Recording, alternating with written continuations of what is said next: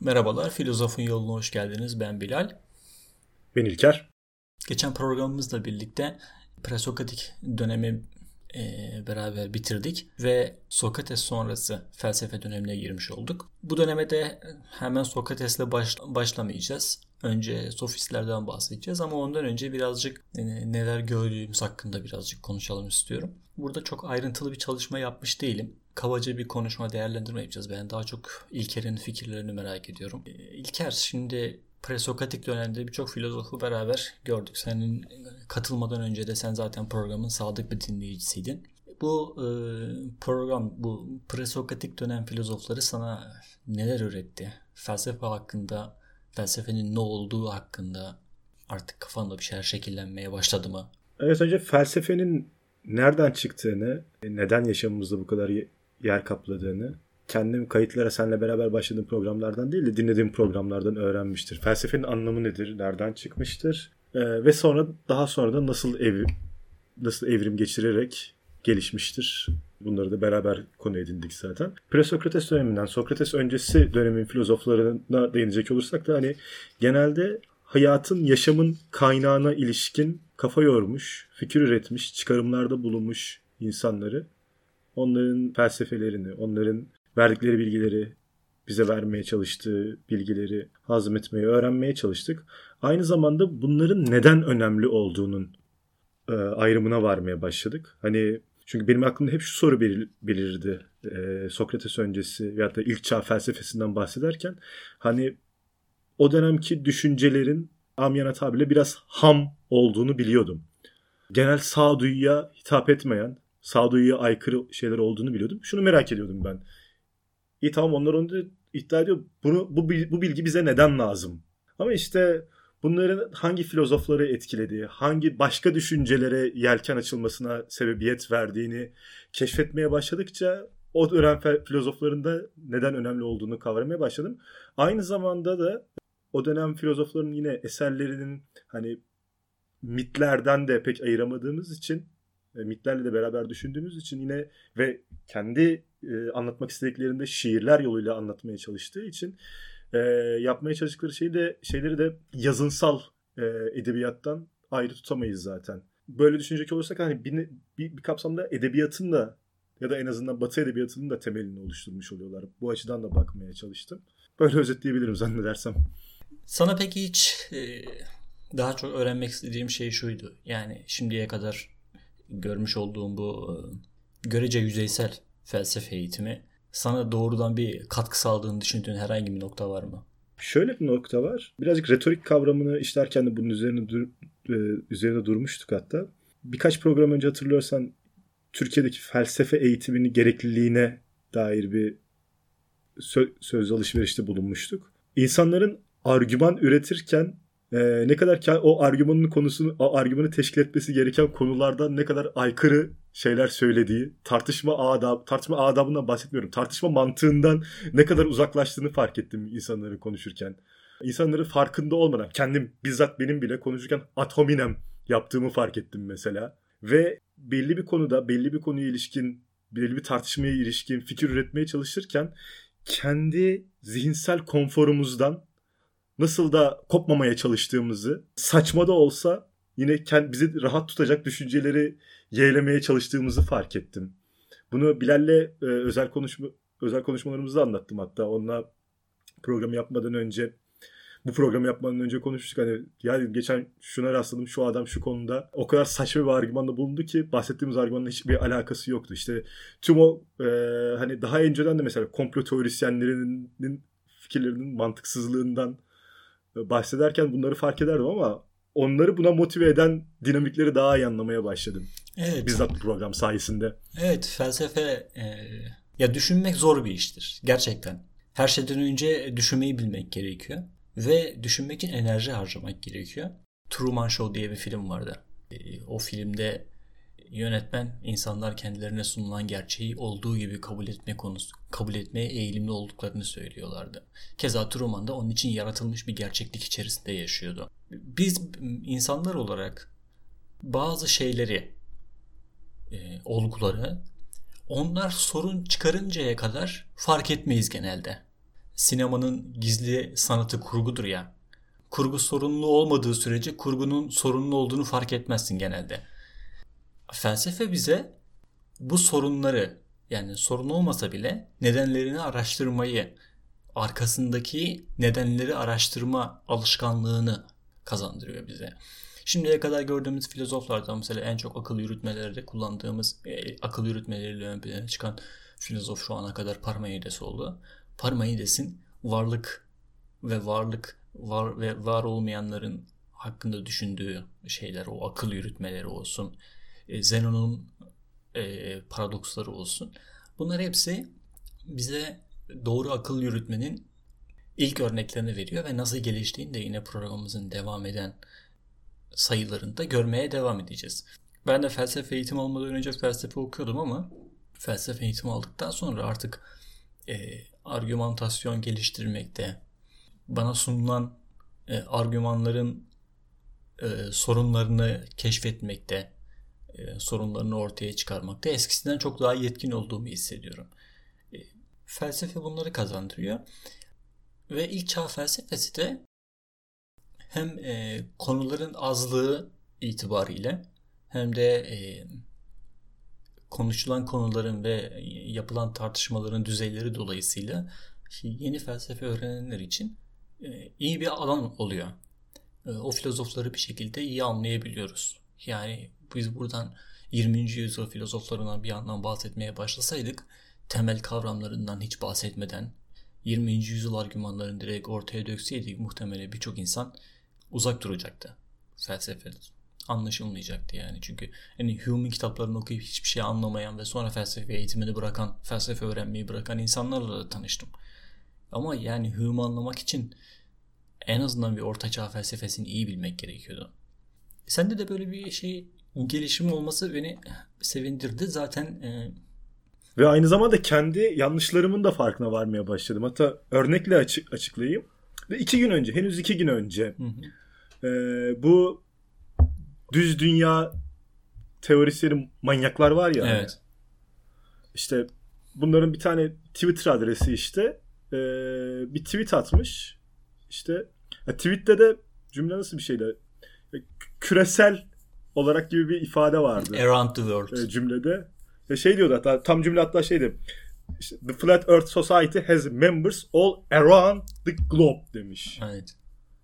Yani bunu duyunca vay gerizekalılar falan diye güldük tabii. Hı hı. Bayağı güldüm hatta bunu okuyunca ben işte. Ondan sonra düşündüm ki ya iyi de hani güldük ettik eğlendik tamam da bu onların gerizekalı teorilerini çürüten bir şey değil, ifade değil ki. Yani söyleme alışkanlığı bu. Bu şey gibi bir şey. Bir ateiste aha gördün mü konuşurken inşallah dedi diye onun teorisini çökertmiş olmak gibi bir şey bu aslında. Evet. Ama iki saat boyunca işte o, ona güldüğüm süreden de uzun boyunca. Çünkü bir arkadaşa falan da onu şey, o görseli gönderdim. Onunla da onun şakasını yaptık bilmem ne falan. Ama birdenbire şöyle durunca onun da aslında benim e, zihinsel konforuma yakın bir düşünce olduğu için bunu bu kadar benimsediğimi, buna bu kadar yani gülmekten de fazla önem atfettiğinin farkına vardım. O iki saat boyunca. işte o şakaları yaptığım süre boyunca en azından. Hı hı. Ya evet e, işte her şeyin arkasındaki nedenleri bu nedensellik ilişkisini doğru, doğru ortaya koyabilmek e, onun üzerinde e, zaman ve enerji harcamak e, herkesin yapmak istediği bir şey değil. E, yapması kolay bir şey de değil. İlk felsefe nedir programında da söylemiştik. Yani felsefe yapmak öyle bir öğrenilecek birkaç bir şeyle e, üretilecek şey, düşünceler değildir. Maalesef iyi bir eğitime de ihtiyaç duyuyorsunuz. Yani daha sonra bunu programlarımızda da e, hocalarımıza soracağım ama bu konuyu. Yani bir, bir, bir uzmanlık gerektiren bir alan felsefe kesinlikle. E, evet herkesin yapabileceği bir şey ama herkesin iyi bir birikimle yapabileceği bir şey ancak. O yüzden de zaten bu programı yani ilk çağ felsefesinden birkaç tane programda bahsedip geçebilirdik yani önemli noktalarını. Sonra bunları ortaya döküp yani 10-15 programda modern çağa gelebilirdik yani. Ama biz kaç 20. sayımızdayız ve hala presokatik dönemdeyiz. Bugün sofistlerle başlayacağız. Sofistler hakkında konuşmaya başlayacağız.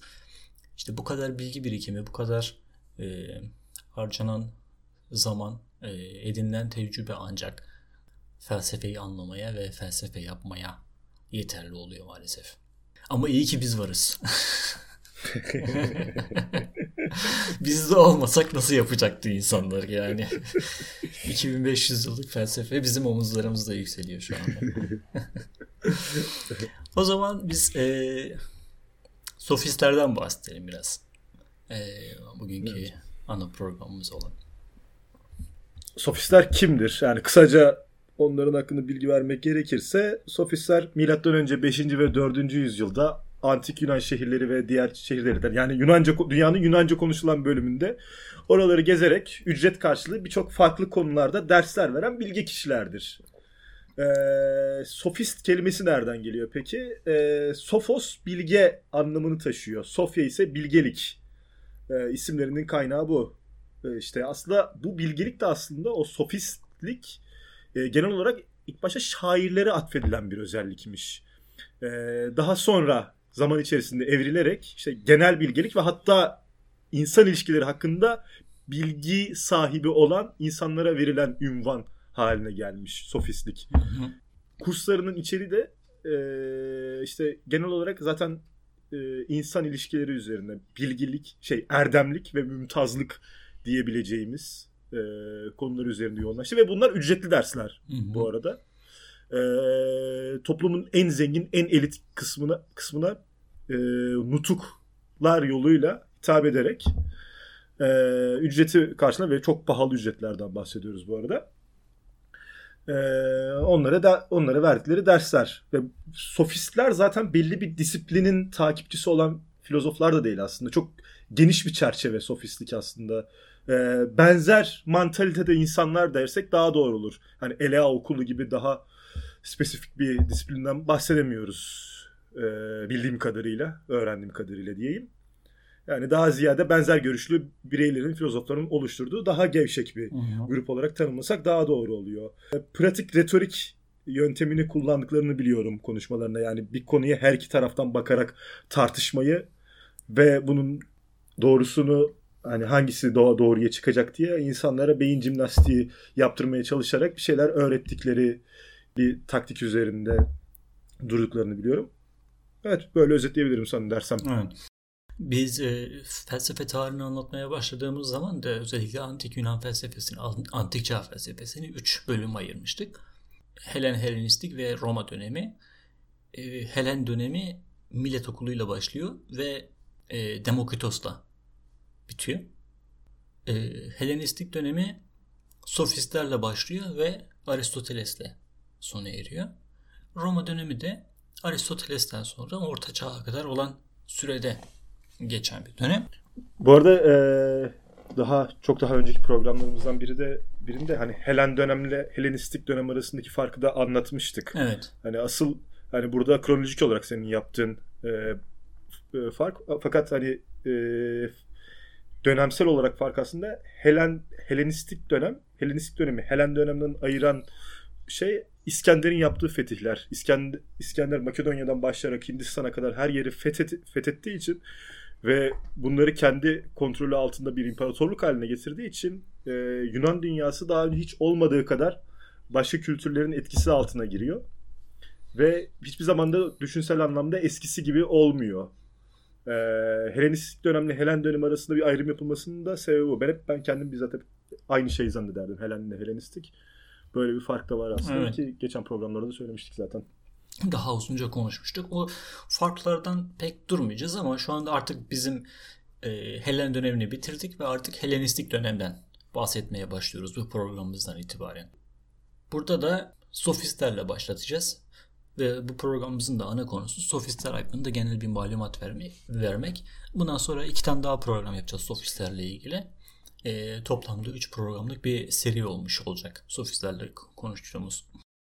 İsa'dan önce 5. yüzyıl Yunan ve dünya uygarlığının en önemli en önemli dönemlerinden biridir ve Yunanların altın çağıdır.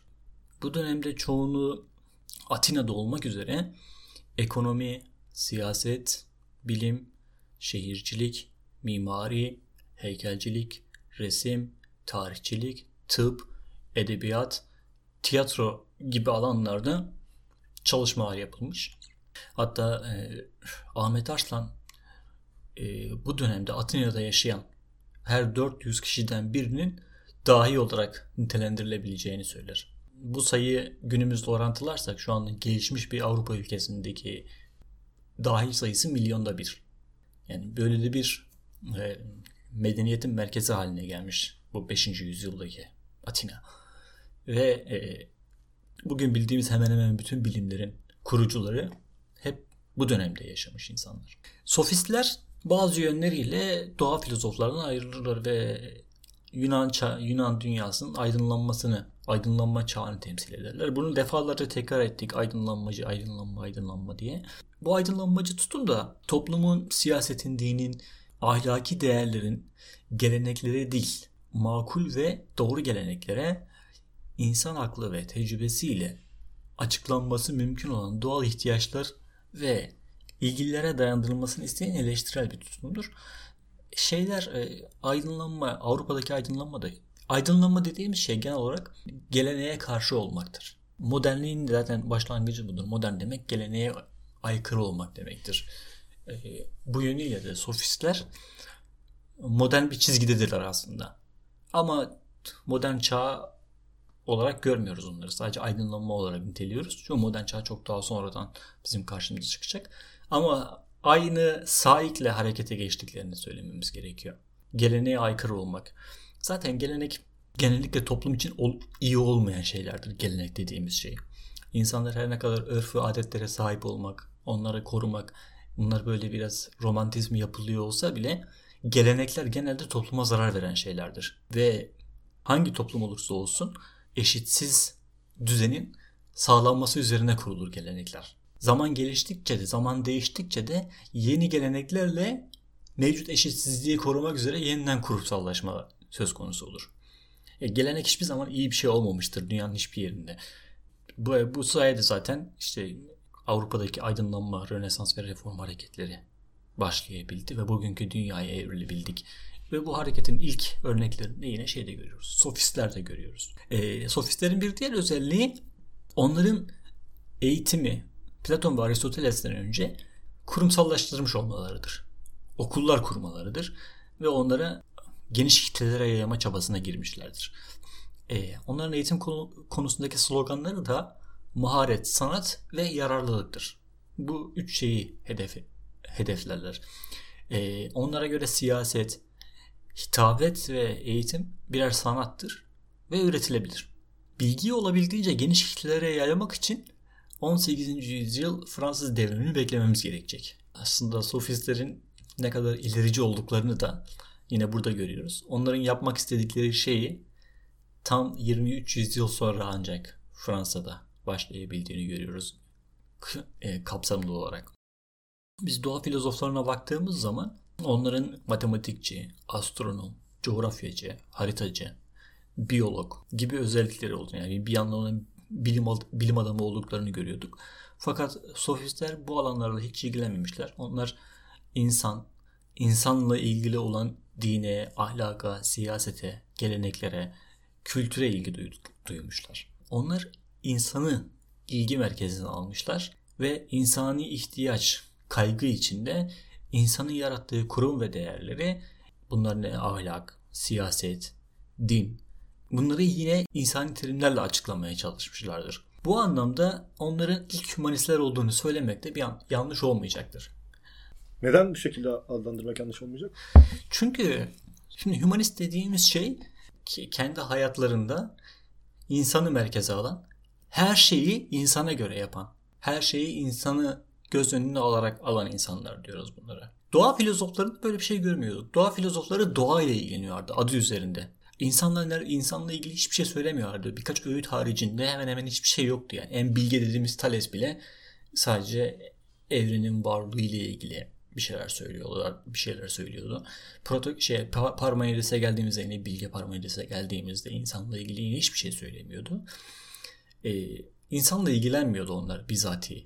Onlar insanın dışında olan şeylerle ilgileniyordu ve insanı da bu insanın dışında olan şeyle yani doğayla açıklamaya çalışıyorlardı. Fakat sofistlere geldiğimiz zaman sofistler her şeyin merkezine insanı alıyorlar. Protagoras da bunu biraz daha ayrıntılı göreceğiz. Protagoras insan her şeyin ölçüsüdür diyecektir. Bu sadece görelilik anlamında değil. Bütün felsefesini, bütün düşünce sistemini de Protagoras bunun üzerine kuracak ve ilk gerçek humanist olma ünvanını da eline alacak bu sayede. Ee, daha önce... Herakleitos'a da Herakleitos'a da benzer bir şey atfedilmişti. Hani insandan nefret eden birisi olmasına rağmen hüm, ilk çalışmasının ana konusu insan olduğu için ilk humanist olarak onu da adlandırabiliriz diye evet. bir görüş de vardı aynı evet, zamanda. Herakleitos hakkında da böyle konuşmuştuk ama Herakleitos yine de bir doğa filozofuydu. Ee, insanı göz önüne alarak bazı işte e, hangi konuda bahsetmiştik Herakleitos'ta onun bir görelilik düşüncesinden bahsetmiştik. İnen çıkan yol birdir e, gibi böyle sözleri vardı. Hümanizmin evet ilk örneklerini onu göstermişti ama sofistlere geldiğimiz zaman bunun çok daha geniş kapsamlı ve tutarlı bir şekilde yapıldığını görüyoruz. Tamamıyla felsefelerini bunun üzerine kurmuşlar. Sofistler de birer filozoftur. Bunlara sofist dememiz onların kendilerine sofist demesinden kaynaklanıyor. Filozof terimi çok daha sonra ortaya çıkıyor. Ama onlar da birer filozof diyebiliyoruz rahatlıkla. Bir de Foucault'u da burada anmakta yarar olacaktır. Foucault e, insan insanlık önüne konulan ilk problem değildir demiştir. Yani insan önce çevresini, varlığı, kısaca doğayı anlamaya çalışıyor. İşte bu görevi filozoflar üstlenmişti. Doğa filozofları üstlenmişti. Ama bu bir yerde bir tıkanma noktasına gelmişti. Çünkü varlıkla ilgili spekülasyonlar ne kadar artarsa artsın açıklama tatmin edici olmaktan uzakta. Birisi geliyor su diyor, birisi hava diyor, birisi ateş diyor, birisi bunların birleşimi diyor, birisi spermata diyor, birisi atom diyor. Hepsi de doğru şeyi söylüyormuş gibi anlatıyorlardı ama bunların en azından bir tanesi doğru olmak, diğerleri yanlış olmak zorundaydı. E, sofistler de bu, bu, bu duruma topyekun karşı çıkmışlardı. Bunların hepsini bir anlamda yanlış kabul edip, daha doğrusu bu tartışma alanını yanlış bulup insanı gerçekten ilgilendiren, insanın hayatında gerçekten önemli olan şeyleri tartışmaya başlamışlardı. Doğanın ilk maddesinin ne olduğu insan hayatına bir etkisi yok diyecekler ve insan hayatı ile ilgili felsefe yapmaya başlayacaklar. Bu anlamda onlar doğa filozoflarının ürettiği felsefenin gelişimi, yelken açacağı yeni konuya, yeni alanlara ilk başlatıcılar olarak görmekte yanlış olmaz yine. Çünkü bu biraz e, insan tabiatı ile ilgili bir şey bu. Önce çevremizi anlamaya çalışırız. Bu doğa filozoflarının bu spekülasyonları, doğa filozoflarının bu maddeyle, doğayla ilgili açıklamaları tatmin edici olmayacaktı ve sofistler varlığa, insana başka bir bakış açısına ihtiyaç duyacaktı ve bu maddeci olmayan yani insana yönelik olan bakış açısı da e, sofistlerin açtığı yoldan ilerleyecek olan Sokrates, Platon ve Aristoteles'te imkan bulacaktı. Yani felsefe evrilecekti. İnsan düşüncesi evrilecekti bu sayede. Doğa filozofları olmadan sofistler olamazdı. Sofistler olmadan da Sokrates, Platon veya Aristoteles olamayacaktı. Ne yazık ki onlarla ilgili elimizde felsefi hiçbir eser yok. Gorgias'ın bazı oyunları vesaire var ama felsefe namına eserleri maalesef hiç yok elimizde beni herhalde ilk çağ felsefesinde yani elimde olmayan kaynaklar göz önüne alındığı zaman hani kimin en çok eserlerini olmasını isterdin diye biri bana sorsaydı muhtemelen ben sofistlerin neler yazdığını görmek isterdim derdim. Çünkü ilerleyen programlarımızda da göreceğiz. Sofistler gerçekten geleceğe çok ışık tutmuş ve çok önemli düşünceler ortaya atmış insanlar. Hani bildiğimiz kırıntılarıyla bile onların ne kadar ilerici ne kadar ileri sıra dışı dönemine göre önemli insanlar olduklarını göreceğiz. Ama maalesef elimizde bunlar yok. Mesela fazlasıyla eser yazmış olduğu bilinen bir Protagoras var. Fakat Protagoras... Hiçbir şey kalmamış Protagoras'tan değil mi? Evet hiçbir şey kalmamış. Onun bir agnostik tavrından dolayı tanrılara yönelik olan agnostik tavrından dolayı eserleri toplanmış, yakılmış. Ee, kendisi de öldürülmek istenmiş. Hatta işte Atina'yı terk ettiği söyleniyor. Atina'yı terk etmek için de bir deniz yolu bir gemiyle kaçma e, kaçmaya çalışıyor ama e, seyahat ettiği gemisi de batmış ve Protagoras ölmüş diyebiliyoruz. Ya öl ölümüyle ilgili de yine efsanevi hale hale gelmiş e, birden fazla senaryonun dahil olduğu bir, birkaç farklı versiyon okudum ben aynı zamanda da. Kesin mi e, bu şekilde öldü? Kesin değil maalesef. Yani bunlar söylenti. Yani bugüne kadar gelmiş söylentiler bunlar. E, ama hiçbir e, ölüm şekli herhalde Herakleitos'un şey Empedokles kadar enteresan. Empedokles evet. Empedokles kadar böyle enteresan olmayacaktır yine de. Ama dediğim yani bunlar bir şekilde doğru olmalı ya da doğruluk payı yüksek olmalı ki bugüne kadar gelebilmiş yani. E düşününce de biraz mantıklı. Hoş bu e, Protagoras yönelik olan tutum yani onun şehirden kaçması, öldürülmesi bütün sofistlere yönelik bir davranış değil. E, Protagoras haricinde Protagoras'ın bizatihi kendisi de e, çok saygı gören bir filozof. Özellikle ilk çağ e, sofistlerin hepsi çok saygı duyan e, e, filozoflardı. Zaten bu saygı sayesinde derslerine soylu çocuklar geliyor ve yüksek ücretler verebiliyordu bu derslere. Sofistlerin bilge insanlar olduklarını söyledi İlker. Eğer sofist bugünkü anlamıyla ne diye sorarsa birileri bugünkü üniversite hocaları o günkü sofiste en yakın şeyler. Eğitimin ilk defa kurumsallaşmaya başladığı, para karşılığı, e, ders veren ders veren insanlar. Bugünkü eğitimciler de zaten aynı şeyi yapıyorlar.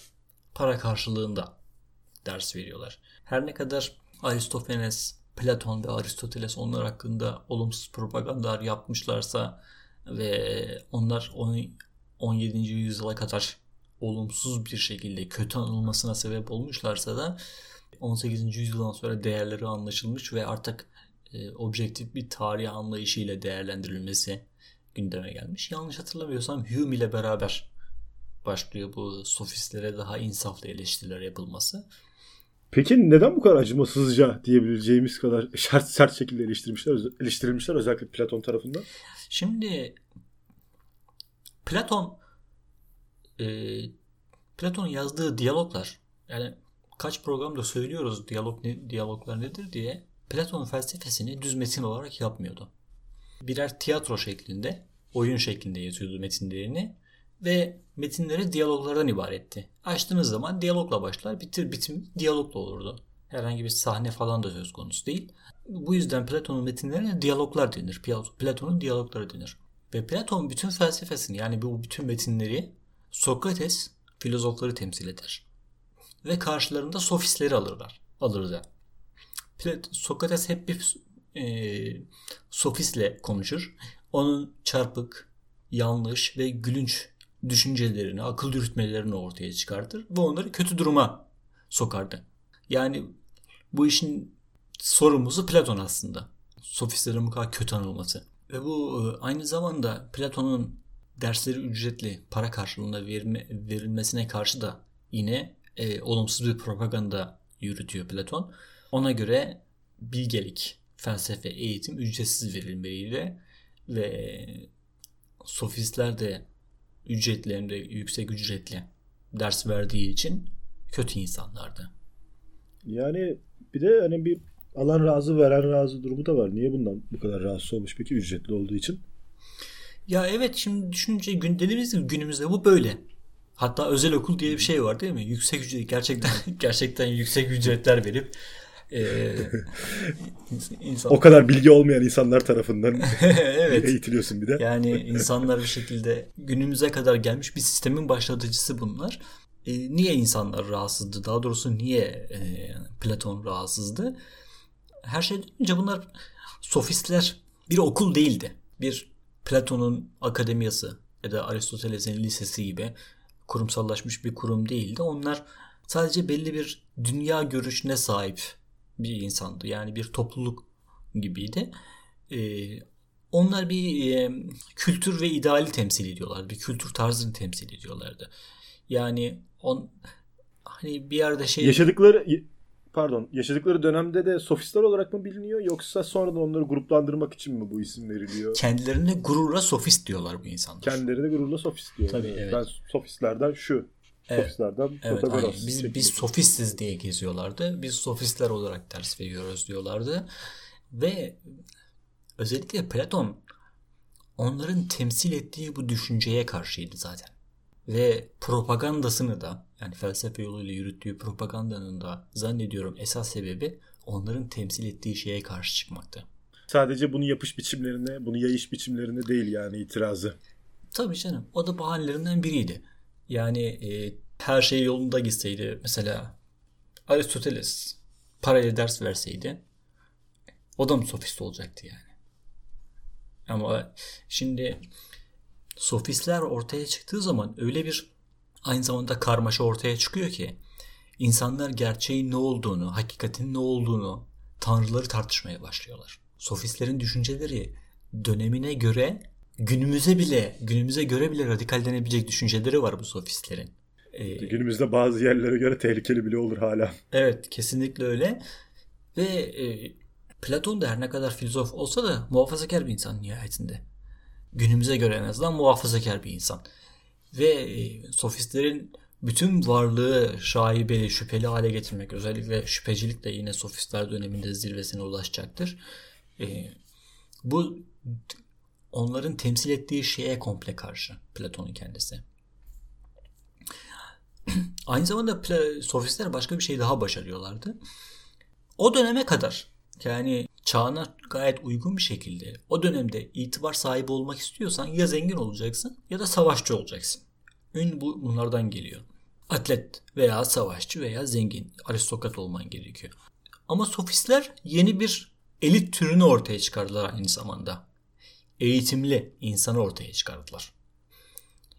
Bilginin gücünü elinde bulunduran insanları ortaya çıkardılar bunlar. Bunlar ne yapıyorlardı? Meclislerde, mahkemelerde, pazar yerlerinde bilgi sahibi oldukları için güç sahibi olmaya başlamışlardı.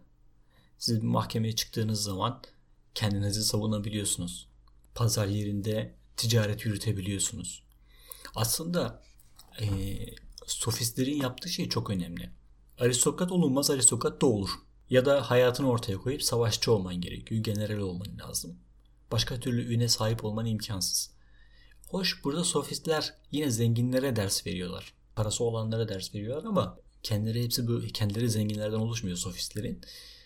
Bir şekilde gerçek gücün artık yer değiştirmeye başladığını, bilginin artık güç nesnesi haline gelmeye başladığını görüyoruz.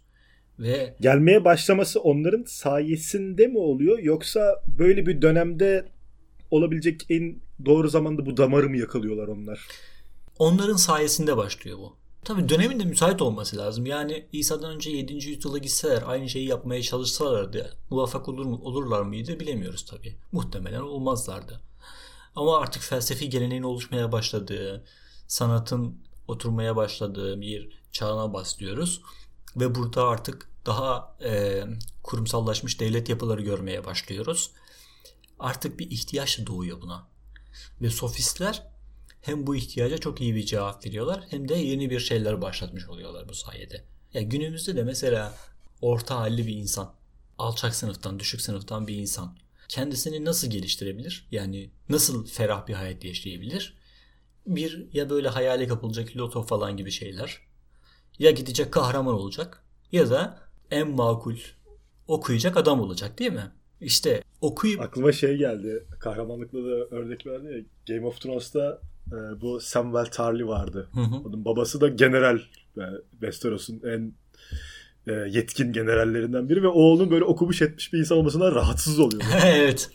Sen yani sen diyor kahra, yani kahramanlık yapan adamların insanların diyor, hikayelerini mi yazacaktın? Bu mu olacak? Benim oğlum bu mu olacaktı diyor. Kahraman olmayacaksın. Kahramanların hikayelerini araştıran okuyan insan mı olacaksın diyor. Evet ya mesela yine Game of Thrones'ta işte en sevilmeyen karakteri var ya bu şey ailesinin. Cücemiz var ya bizim Tyrion. O okumuş olandı aralarından. İşte bütün kitapları okumuş savaşçılar, taktikler biliyor, siyah, şeyi yürütebiliyor, politika yapabiliyor vesaire. E, madem örnek Game of Thrones oradan devam edeyim diye. Bilgi artık güç olmaya başlamış ve bunun için uygun ortam söz konusu. Sanat gelişmiş, bilim gelişmiş. Ve bil, bilgi güçtür kavramı dizide de bir yerde telaffuz ediliyordu bu şekilde. Tam bilgi güçtür şeklinde telaffuz ediliyordu hatta. Evet olabilir. Ee, e, bu Peter Baelish karakteri şey daha ilk sezonda şeyi tehdit etmek için Lannister'ları tehdit etmek için Cersei'ye şey diyordu. İşte onun ensest ilişkisini ima ederek daha sonra da bilgi güçtür diyordu. Gerçi karşılığında Cersei de şey yapıyordu. Yanındaki muhafızlarına tutun şunu boğazını kesin diyordu. Tam boğazını kesmeyince durun vazgeçin diyordu. güç güçtür diyordu. Güç budur diyordu. İşte sofistlerin temsil ettiği şey buydu. Yani e, belli bir hani fiziksel olarak ya bir imkanla doğarsın ya da servet olarak bir imkanla doğarsın. Bunlara sahip olmayan bir insanın elde edebileceği diğer üçüncü bir yol da bilgi sayesinde bir güç. Bugün de bir mesela hekim oluyorsun. Değil mi? Beyin cerrahı oluyorsun. Şu anda beyin cerrahları Türkiye'de olmasa bile yıllık 1 milyon dolar gibi bir gelirleri var. Ne yaptı bu adam? Yani bilgisiyle buna sahip olabiliyor. Ee, bazı ülkelerde bu imkanlara sahipler. Erken dönem sofistleri daha ölçülü, daha ağırbaşlı, daha muhafazakar bir görüntü sergiliyorlar ama geç dönem sofistleri daha ihtiralci, daha yıkıcı, sınır tanımaz.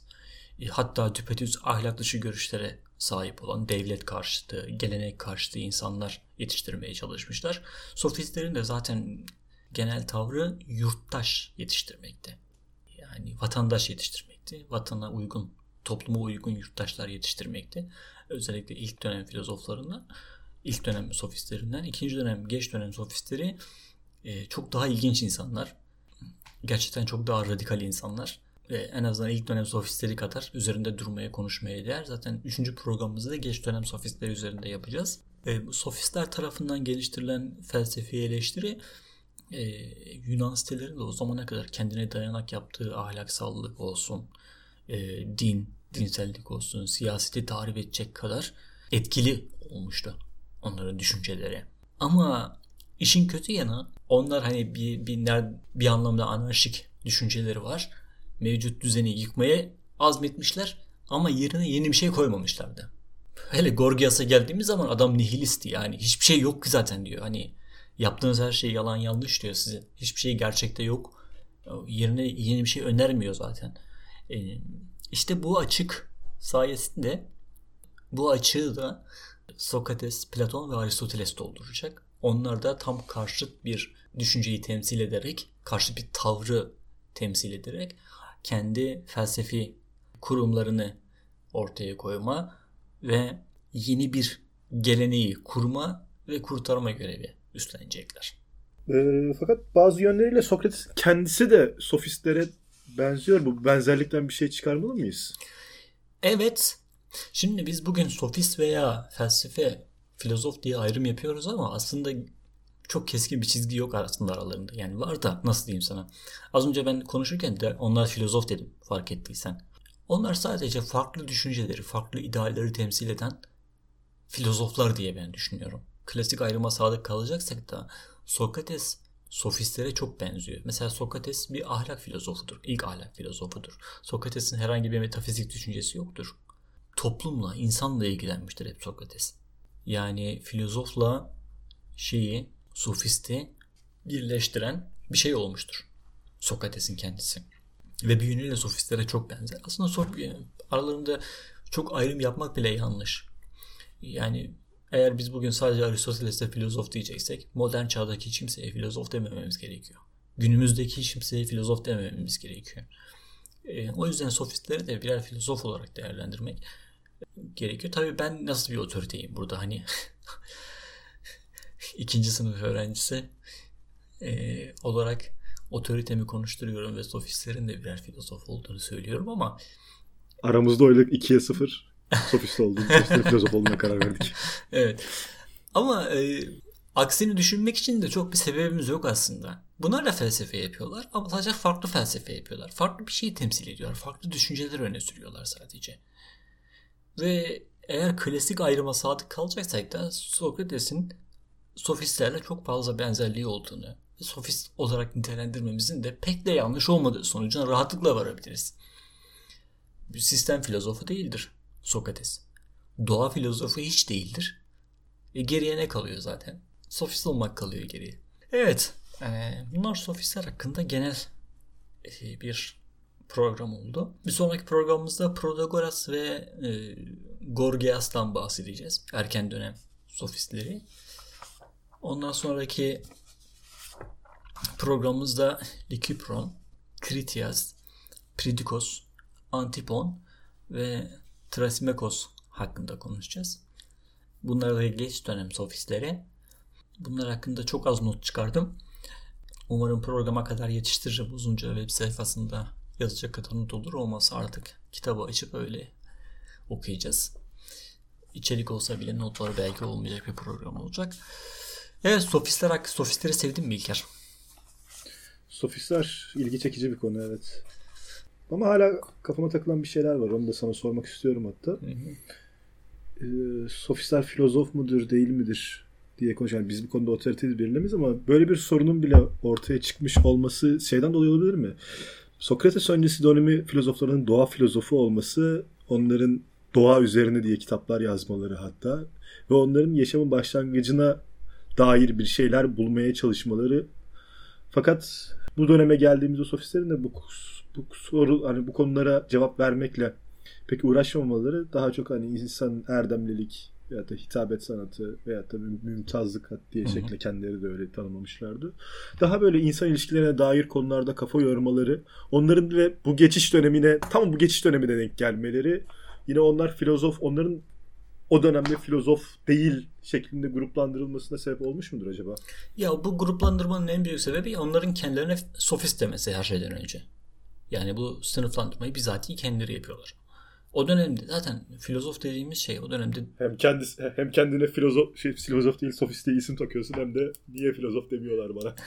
ya onların böyle bir itirazı yok zaten. Hani bize biz de filozofuz demiyorlar zaten. Yani biz bugün onlara sofist eğer biz onlara filozof değil dersek dediğim gibi e, modern çağda hiç kimseye filozof diyemeyiz.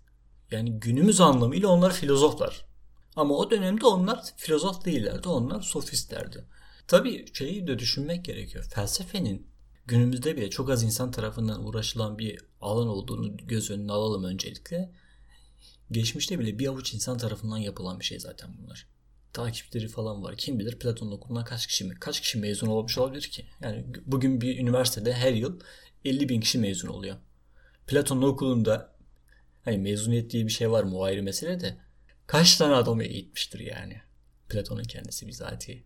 500 kişiye acaba şey vermiş midir, eğitim vermiş midir? Yani bunların kaç tanesi filozof diye geçmiştir yani. Anladın mı?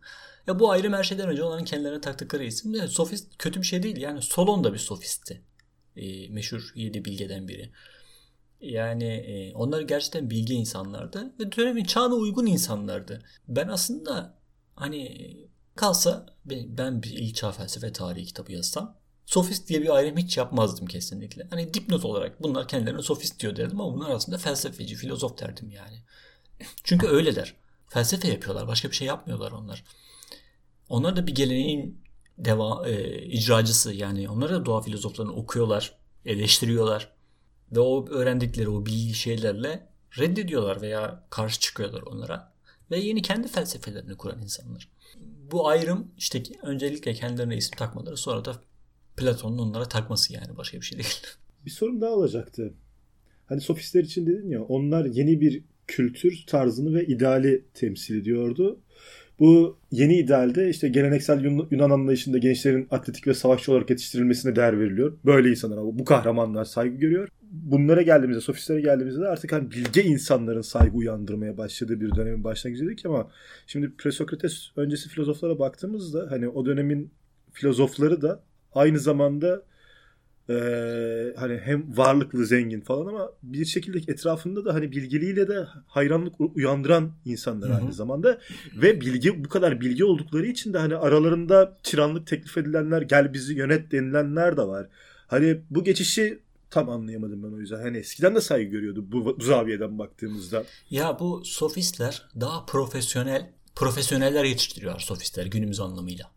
Bilgeler başka. Yani bizim filozof dediğimiz o bilge dediğimiz Thales, bilge Thales, Solon.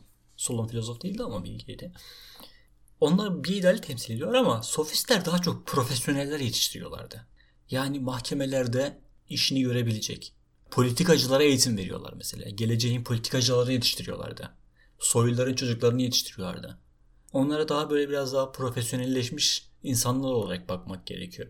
Yani insanlar da kılıç kuşanıp gençler de kılıç kuşanıp işte kahraman olmaktan bu, bu şekilde bilgi olmaya özenmeye başladılar. Hani zaman evet. ruhu bu bir, şekilde. bilge kelime bile bilge biraz şey yanlış kalıyor. Yani hani profesyonel aslında çok uygun biliyor musun? Yani profesyonel hakim mesela yani şey avukat. Yani bir, bir kendilerini nasıl savunacak? e, hukuk öğreniyorlar. Protagoras öğretmen olarak tanıtıyor kendini. Tabii herhalde. tabii. Mesela evet. Sonra adam politikaya atılacak veya çocuğunu politikacı olarak yetiştirmek istiyor. Sofistlere veriyor. Çünkü orada hitabet sanatı öğreniyor, şiir öğreniyor, sanat öğreniyor vesaire. Sonra insanlara nasıl hitap etmesi, etmesi gerektiğini öğreniyor. Retor- Retorik hakkında da konuşacağız biz. Güzel konuşma sanatı, hitabet sanatına retorik deniyor. E, Retoriğe önem veriyorlar. Çünkü onlar için hakikat önemli değil.